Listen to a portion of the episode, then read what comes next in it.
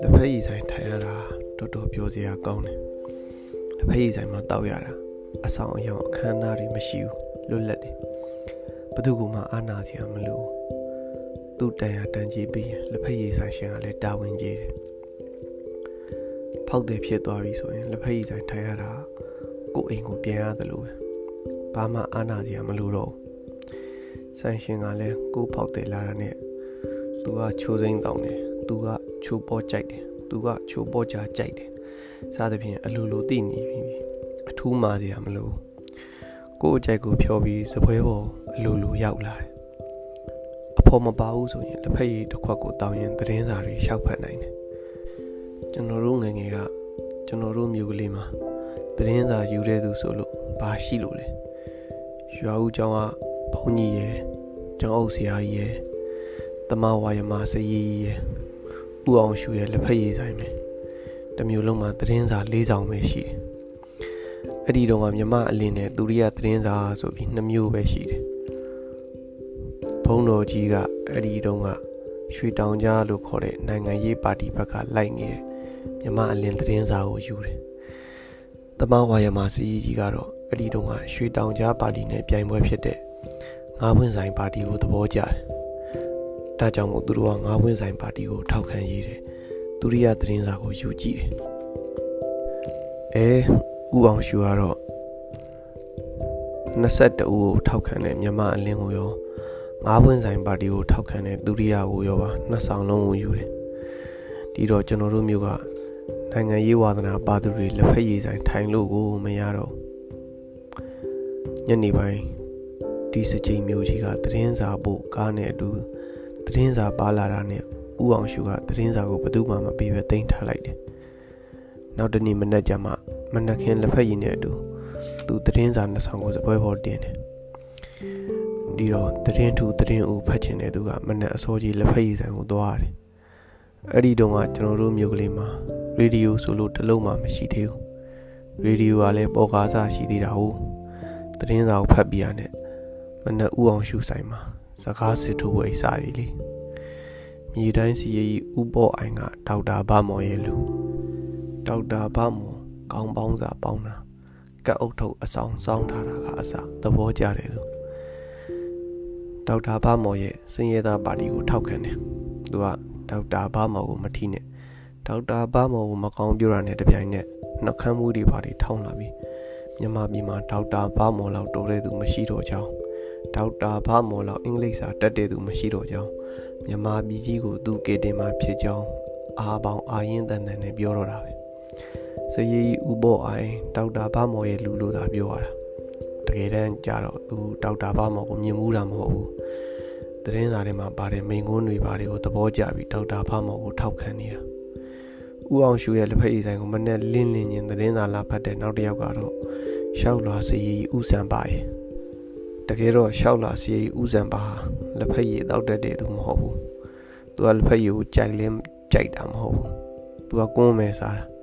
သူအမြဲလွဲနေတဲ့အိတ်ကလေးထဲမှာကွန်းအိတ်ကလေးတစ်လုံးအမြဲပါတယ်သူကွန်းအိတ်ကလေးကကြောက်ကကွန်းအိတ်ကလေးအဲ့ဒီကွန်းအိတ်ကလေးထဲမှာကွန်းသီးစိတ်ပါတယ်ထုံးဖူးပါတယ်ကွန်းရွက်ပါတယ်ဆေးရွက်ကြီးပါတယ်လင်းညင်းပွင့်နည်းနည်းပါတယ်ဒါပဲ ကိုရလဲစားသလားမမီနဲ့တနေ့ကိုကိုရအစိမ့်နဲ့30ရမှာကုန်တယ်သူကလက်ဖက်ရည်အချိုမပြောနဲ့လက်ဖက်ရည်အဖန်တောင်တိတ်တောက်တာမဟုတ်ဘူးပစောင်ကျင်းုံလောက်ပဲတောက်တာတစ်ချိန်လုံးကွန်းကြီးပွားနေတာပဲသူကဥအောင်ရှူရဲ့လက်ဖက်ရည်ဆိုင်လာတာလက်ဖက်ရည်တောက်ဖို့မဟုတ်ဘူးလက်ဖက်ရည်ချမ်းတောက်ဖို့လည်းမဟုတ်ဘူးသတင်းစာဖတ်ချင်လို့လာတာအဲ့ဒီတုန်းကနိုင်ငံရေးပါတီတစ်ခုဖြစ်တဲ့ငါးပွင့်ဆိုင်ပါတီကိုထောက်ခံနေသူ ငါးပွင့်ဆိုင်ပါတီရဲ့ခေါင်းဆောင်ကဥပဘီသူကလည်းဥပဘီကိုမထီနဲ့ဥပဘီကဘာဖြစ်တယ်ညာဖြစ်တယ်ဆိုပြီးပြောရင်ပါဇက်ထဲကဝါနေတဲ့ကုန်းတွေကိုထွေးထုတ်ပြလိုက်ပြီးဥပဘီဘက်ကအကြောက်အကန်ညင်းတော့တာပဲတကယ်တော့သူလည်းဥပေါ်အိုင်လိုပဲဥပဘီကိုမြင်မှုတာမဟုတ်ဘူးရန်ကုန်ကိုလည်းရောက်မှုတာမဟုတ်ဘူးဥပဘီစကားပြောတာတရားဟောတာကြားဘူးတာမဟုတ်ဘူးဒါပေမဲ့မြမနိုင်ငံရေးကိုဥပဘီကောင်းဆောင်ခဲ့တာ သူအစာပြုတ်ခဲ့တာလို့ယူဆနေတဲ့သူဒါကြောင့်ဥပါဘီကိုအတိမခံဘူးဦးအောင်ရှူရဲ့လက်ဖက်ရည်ဆိုင်ကိုရောက်လာတဲ့နောက်တစ်ယောက်ကတော့ပင်စင်စာမူလာတန်းကျောင်းဆရာဦးထွန်းရင်မှာသူကရောင်ရောင်ထားပြီးအင်ကြီးကိုလည်းအမြဲတမ်းလက်ရှိအင်ကြီးဝတ်တယ်သူဝတ်တဲ့အင်ကြီးလက်ရှိကပင်ဖြူပင်နီဖြင်းညမ်းလက်ရှိတယ်ဘလောက်ပူတဲ့အိုက်တဲ့ယာတီဖြစ်ဖြစ်အဲ့ဒီဖြင်းညမ်းအင်ကြီးကိုတော့ဝတ်ရမှာ သူများတွေကချွေးတလုံးလုံးနဲ့စွတ်ကြဲအင်ကြီးတောင်မှမဝတ်နိုင်တဲ့အချိန်မှာသူကတော့ဖြင်းညမ်းလက်ရှိယူမချဘူးရောင်ကိုအမြဲတမ်းစီတထားပြီးခေါင်းမှာထုံးချောက်ရောင်ပဝါပါကလေးကိုဖိုဒီဖက်တီရစ်ပတ်ထားတယ်သူကတော့ဥအောင်ရှူဆိုင်ကိုလာတာလက်ဖက်ရည်တောက်ဖို့လာတာမဟုတ်ဘူးလက်ဖက်ရည်ချမ်းနဲ့စေးဘောလေးတောက်ဖို့လာတာသူကပြင်းစယူပါစေးဘောလေးအတုပ်ကြီးတွေကိုကြိုက်တယ်စေးဆက်ကောင်းတဲ့စေးယူစစ်တဲ့ အုံနေယူမှာမဟုတ်ဘူးစေးရွက်ကလည်းကွန်းရွာစေးတဲ့ကွန်းရွာစေးကောင်းကောင်းကိုစေးယူနဲ့မကြီးမန်းနဲ့ထန်းလျက်နဲ့တော်ရက်နဲ့နဲနေကောင်းကောင်းပြထားတဲ့စေးဆက်တဲ့တနက်ဖက်ကလည်းစိမ့်ပြီးအနံ့ကသင်းနေတဲ့ရွှေဖီမိုးလွတ်လက်ဖက်ချောက်ခတ်ထားတဲ့လက်ဖက်ရည်အဖန်ကိုတောက်ပြင်ဆယူပါဆေးလိတ်အတုပ်ကြီးကိုခဲပြီးထိုင်းနေတာပဲ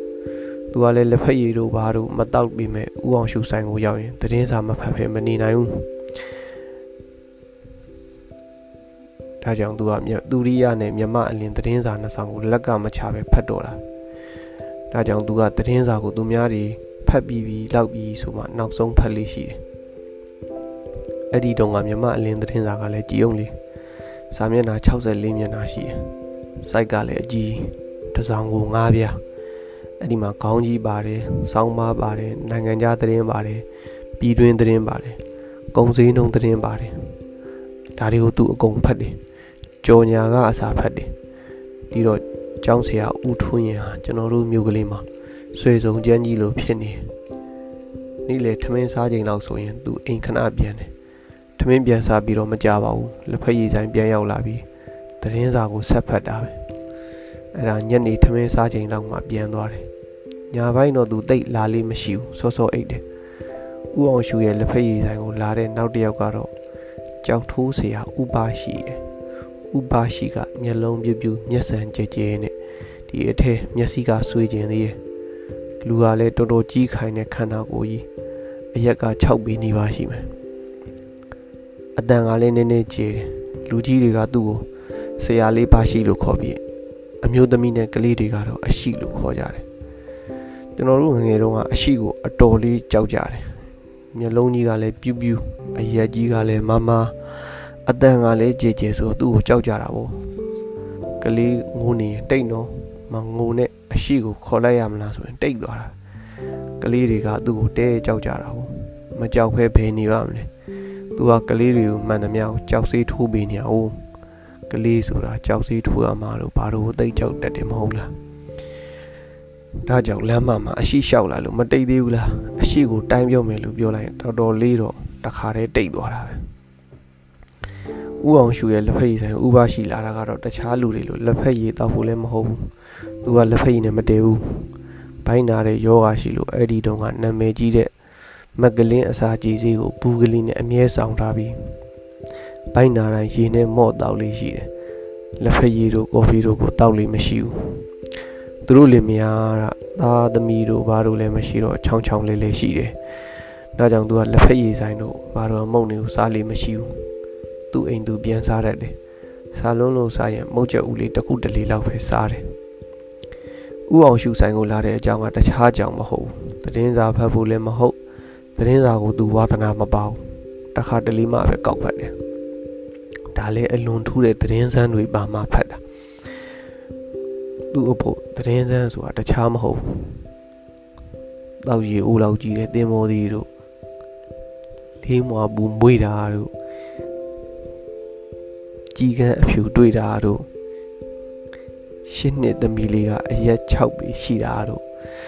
စားတဲ့တဘာဝမဟုတ်တဲ့ထူးထူးခြားခြားဖြစ်တတ်တဲ့အဖြစ်အပျက်မျိုးတွေကိုသူကစိတ်ဝင်စားတယ်။အဲ့ဒီသတင်းတွေပါရင်သူကသတင်းစာကိုဖတ်တယ်။ အဲ့ဒီသတင်းမျိုးမပါလို့ကတော့ကဘာစစ်ကြီးဖြစ်တော့မယ်ဆိုလဲသူမဖတ်ဘူး။သူများပြောတာလောက်ပဲနားထောင်တယ်။သူသိချင်ကောက်မိမယ်။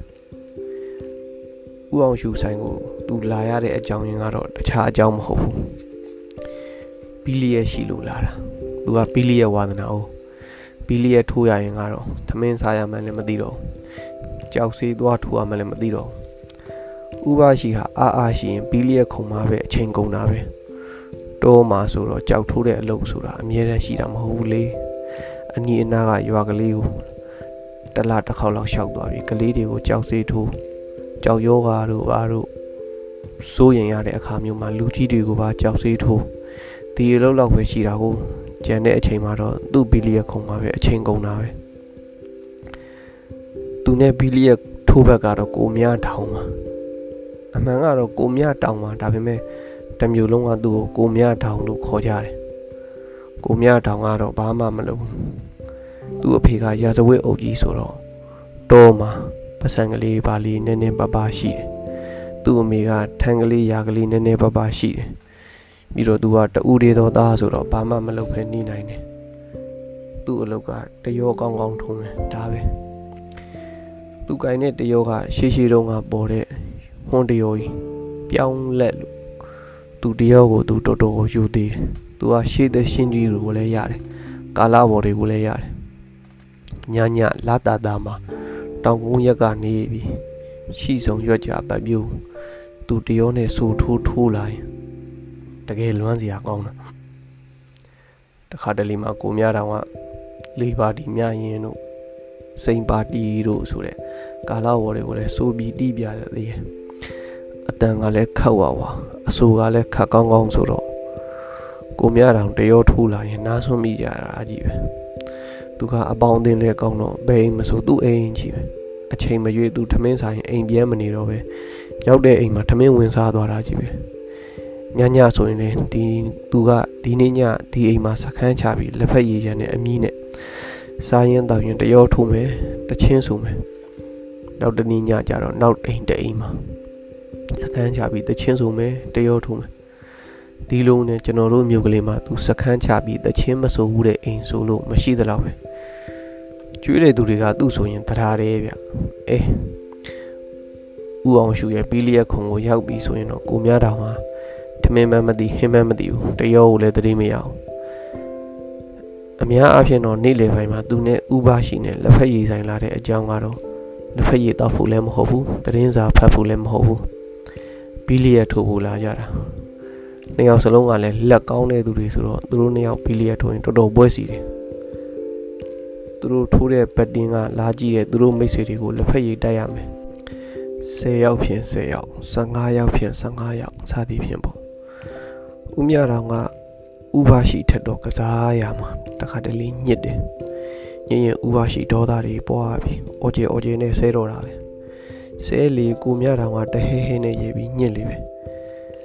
ဒီရင်ဥပါရှိဒေါပွားသည်ထက်ပွားလာပြီးဘောလုံးကိုလိုချင်တဲ့စီရအောင်မထိုးမိတော့ပဲဟိုထိုးသည်ထိုးဖြစ်ကုန်တော့ပဲတခါတလေတက်ကလေးစိမ့်ကြီးကိုထိုးမိပြီးပြေးသွားလို့ဥအောင်ရှူကမြတောင်ရမင်းစတာနဲ့ငါတက်ကလေးကြီးပြေးသွားပြီကွာနောက်တစ်ခါဒီတူကြီးကိုမဆာစမ်းပါနဲ့လို့တောင်းပန်ယူရတယ်ဥအောင်ရှူရဲ့လက်ဖက်ရည်ဆိုင်ကိုမှန်မှန်လာတဲ့တယောက်ကတော့ဥဖိုးသေးပါ သူကအဲ့ဒီကလေးကအသက်တော်တော်ကြီးပါပြီသူကောင်ကကရုံးဆန်တော့တကောင်းလုံးဖွေးနေတယ်အသားလည်းမဲလိုက်တာမှနှက်မှောင်းနေရတယ်ရုပ်ကလည်းကလာရုပ်ဒါပေမဲ့ကလာသူ့တစ်စက်မှမရောတဲ့ဗမာစစ်စစ်ပါသူကပထမကဘာစစ်တုန်းကစစ်တပ်ထဲဝင်ပြီးမက်ဆိုပိုတီးမီးယားစစ်မြေပြင်ထိအောင်ရောက်ခဲ့ဘူးတယ်အဲ့ဒီစစ်မြေပြင်မှာတူရကီတွေနဲ့တိုက်ရတဲ့အကြောင်းကိုမကြာခဏပြောလို့ရှိတယ် ကျွန်တော်တို့တွေစစ်ပွဲအကြောင်းကိုမကြားဘူးမမြင်ဘူးမတွေ့ဘူးခင်ကတည်းကသူပြောပြလို့ပထမကဘာစစ်ကတိုက်ပွဲတွေအကြောင်းကိုကြားဘူးနေကြတယ်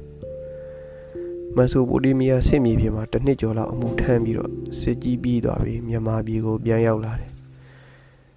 ပြန်ရောက်တော့သူ့ကိုအင်္ဂလိပ်အစိုးရကပလိတ်စားခြင်းအဖြစ်ခန့်လိုက်တယ်စားခြင်းဆိုတာရဲကြက်ကြီးပေါ့နောက်တော့ပင်စင်ယူပြီးသူသမီးအိမ်မှာနေတယ် သူမှဇနီးလည်းမရှိတော့ဘူးသူရတဲ့ပင်စင်ကလေးထုတ်သမီးနဲ့တမန်ကျွေးရထိုင်စားပြီးသူလည်းဘီလီယက်ခုံမှာလာထိုင်နေတာပဲ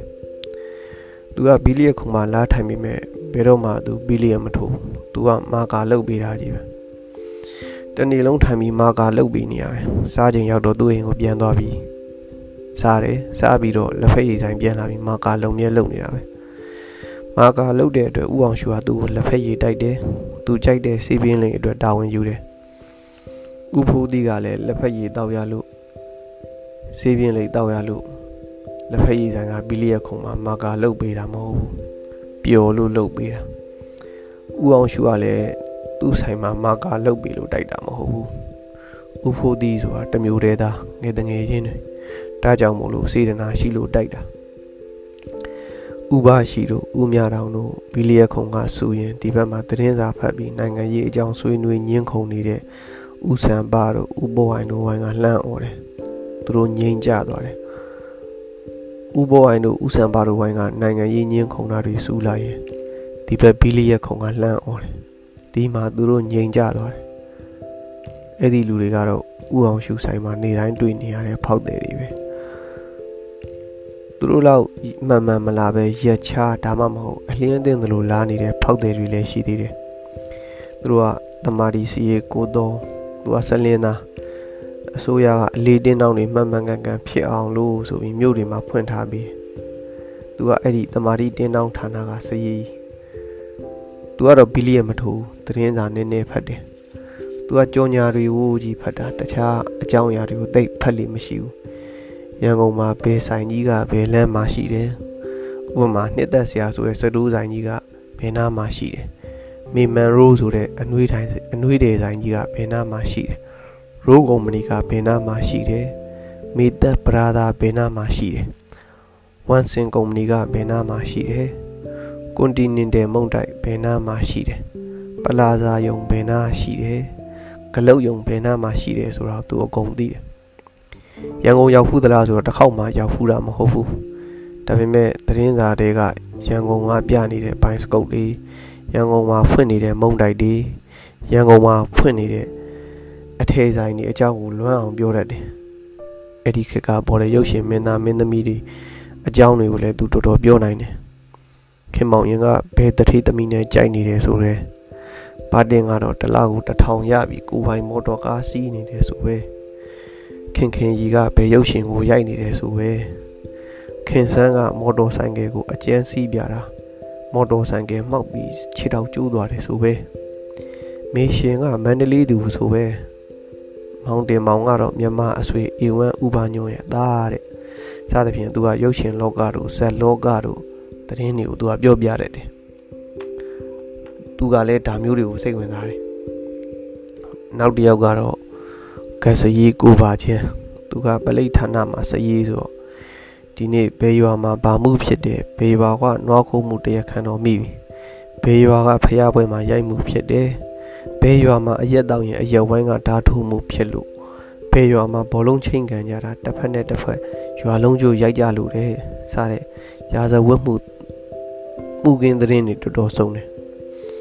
နောက်တစ်ယောက်ကတော့ပွဲကြိုကိုဘိုးနီပါ ကျွန်တော်တို့စီကပွဲယုံတွေမှာပွဲကြိုဆိုတာရှိတယ်။နေကမကြီးလဲတို့ပဲလဲတို့ဝင်လာရင်ကိုပွဲယုံကိုလာဖို့ဖိတ်တဲ့သူမြုပ်ဝင်မှာပိုင်းစကယ်လေးတွေနဲ့သွားဆောင်ရတယ်။ဝရိယရှိတဲ့ပွဲကြိုကအရင်ရောက်ပြီးမြို့ထဲဝင်လာတဲ့ကုံလဲကိုကိုပွဲယုံကိုဖိတ်ရတယ်။လဲကကိုပွဲယုံကိုလာရင်ကိုပွဲကရတာပေါ့။ဒီလိုကုံလဲတွေကိုဖိတ်ခေါ်ဖို့ပွဲယုံတွေမှာပွဲကြိုတွေထားရတယ်။ကိုဘိုနီကကျွန်တော်တို့စီကပွဲယုံတစ်ခုကပွဲကြိုပါ။ ကိုဘူနီလက်ဖက်ရည်ဆိုင်ရောက်လာရင်ဒီနေ့နယ်ဘက်ကမကြီးလဲဘယ်နှစီဝယ်နေပေါက်ဈေးကဘယ်လောက်ရှိတယ်ဘယ်နယ်ကထန်းလျက်ဘယ်နှစီဝင်နေပေါက်ဈေးဘယ်လောက်ရှိတယ်ဆိုတာကိုပြောပြတယ်စိတ်မဝင်စားတဲ့သူကတော့ကိုဝိုင်းနဲ့ကိုပေါ့စိတ်ဝင်စားတဲ့သူကတော့လာမေးပေါ့ကျွန်တော်ငငယ်ကတွေးခဲ့ရတဲ့ကျွန်တော်တို့မျိုးကလက်ဖက်ရည်ဆိုင်ရှုခင်းကိုကျွန်တော်ပြန်တွေးမိတယ် ဥအောင်ရှူဆိုင်ကိုလာနေကြနောက်ထပ်ဖောက်တဲ့တူကတော့တိုင်းရင်မြန်မာအထက်တန်းကျောင်းကကိုတန်းကျောင်းသားကိုအောင်သိမ့်ပါသူကတော့ဥဘောအိုင်တို့ဥဆန်ဘာတို့နဲ့လည်းရင်းတာပဲသူကဒေါက်တာဘာမော်တို့ဥပဘေးတို့ဥစောတို့ရွှေတောင်ကြားပါတီကဥအောင်ကြီးတို့အားလုံးကိုမကြိုက်ဘူး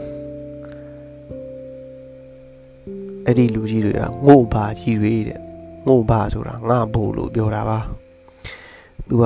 ဒုဗမာအစည်းအရုံးကသခင်တွေကိုထောက်ခံတယ်သူ့လက်ထဲမှာလည်းအဲ့ဒီတော့ကနဂနီကထုတ်တဲ့နိုင်ငံရေးစာအုပ်တုပ်ကိုအမြဲကင်ထားတယ်လူကြီးတွေကတော့ဒီကောင်လေးကသခင်ပေါက်စာ16လဆိုတဲ့ကောင်လေးဆိုပြီးအထင်သေးကြတယ်ဦးစံပါတို့လိုဦးပေါ်အိုင်တို့လိုနိုင်ငံရေးညင်းကုန်မဲ့လူကိုတော်လိုရန်ကုန်ကသတင်းတွေကိုပြောမဲ့လူဥပါရှိလိုသတင်းထူသတင်းစမ်းတွေကိုပြောမဲ့လူ ကိုဘိုနီလိုကုံစိမ်းလုံးသတင်းတွေကိုပြောမဲ့လူတွေနဲ့စီစီညမ်းနေတဲ့လက်ဖက်ရည်ဆိုင်ရှုခင်းကိုကျွန်တော်တတိရတယ်ဒီလိုနဲ့ပဲကျွန်တော်တို့မြမလူအဖွဲ့အစည်းမှာလက်ဖက်ရည်ဆိုင်ယဉ်ကျေးမှုဟာအဆောက်အအုံတစ်ခုအဖြစ်ဖွဲ့စည်းလာမိသလားမသိဘူး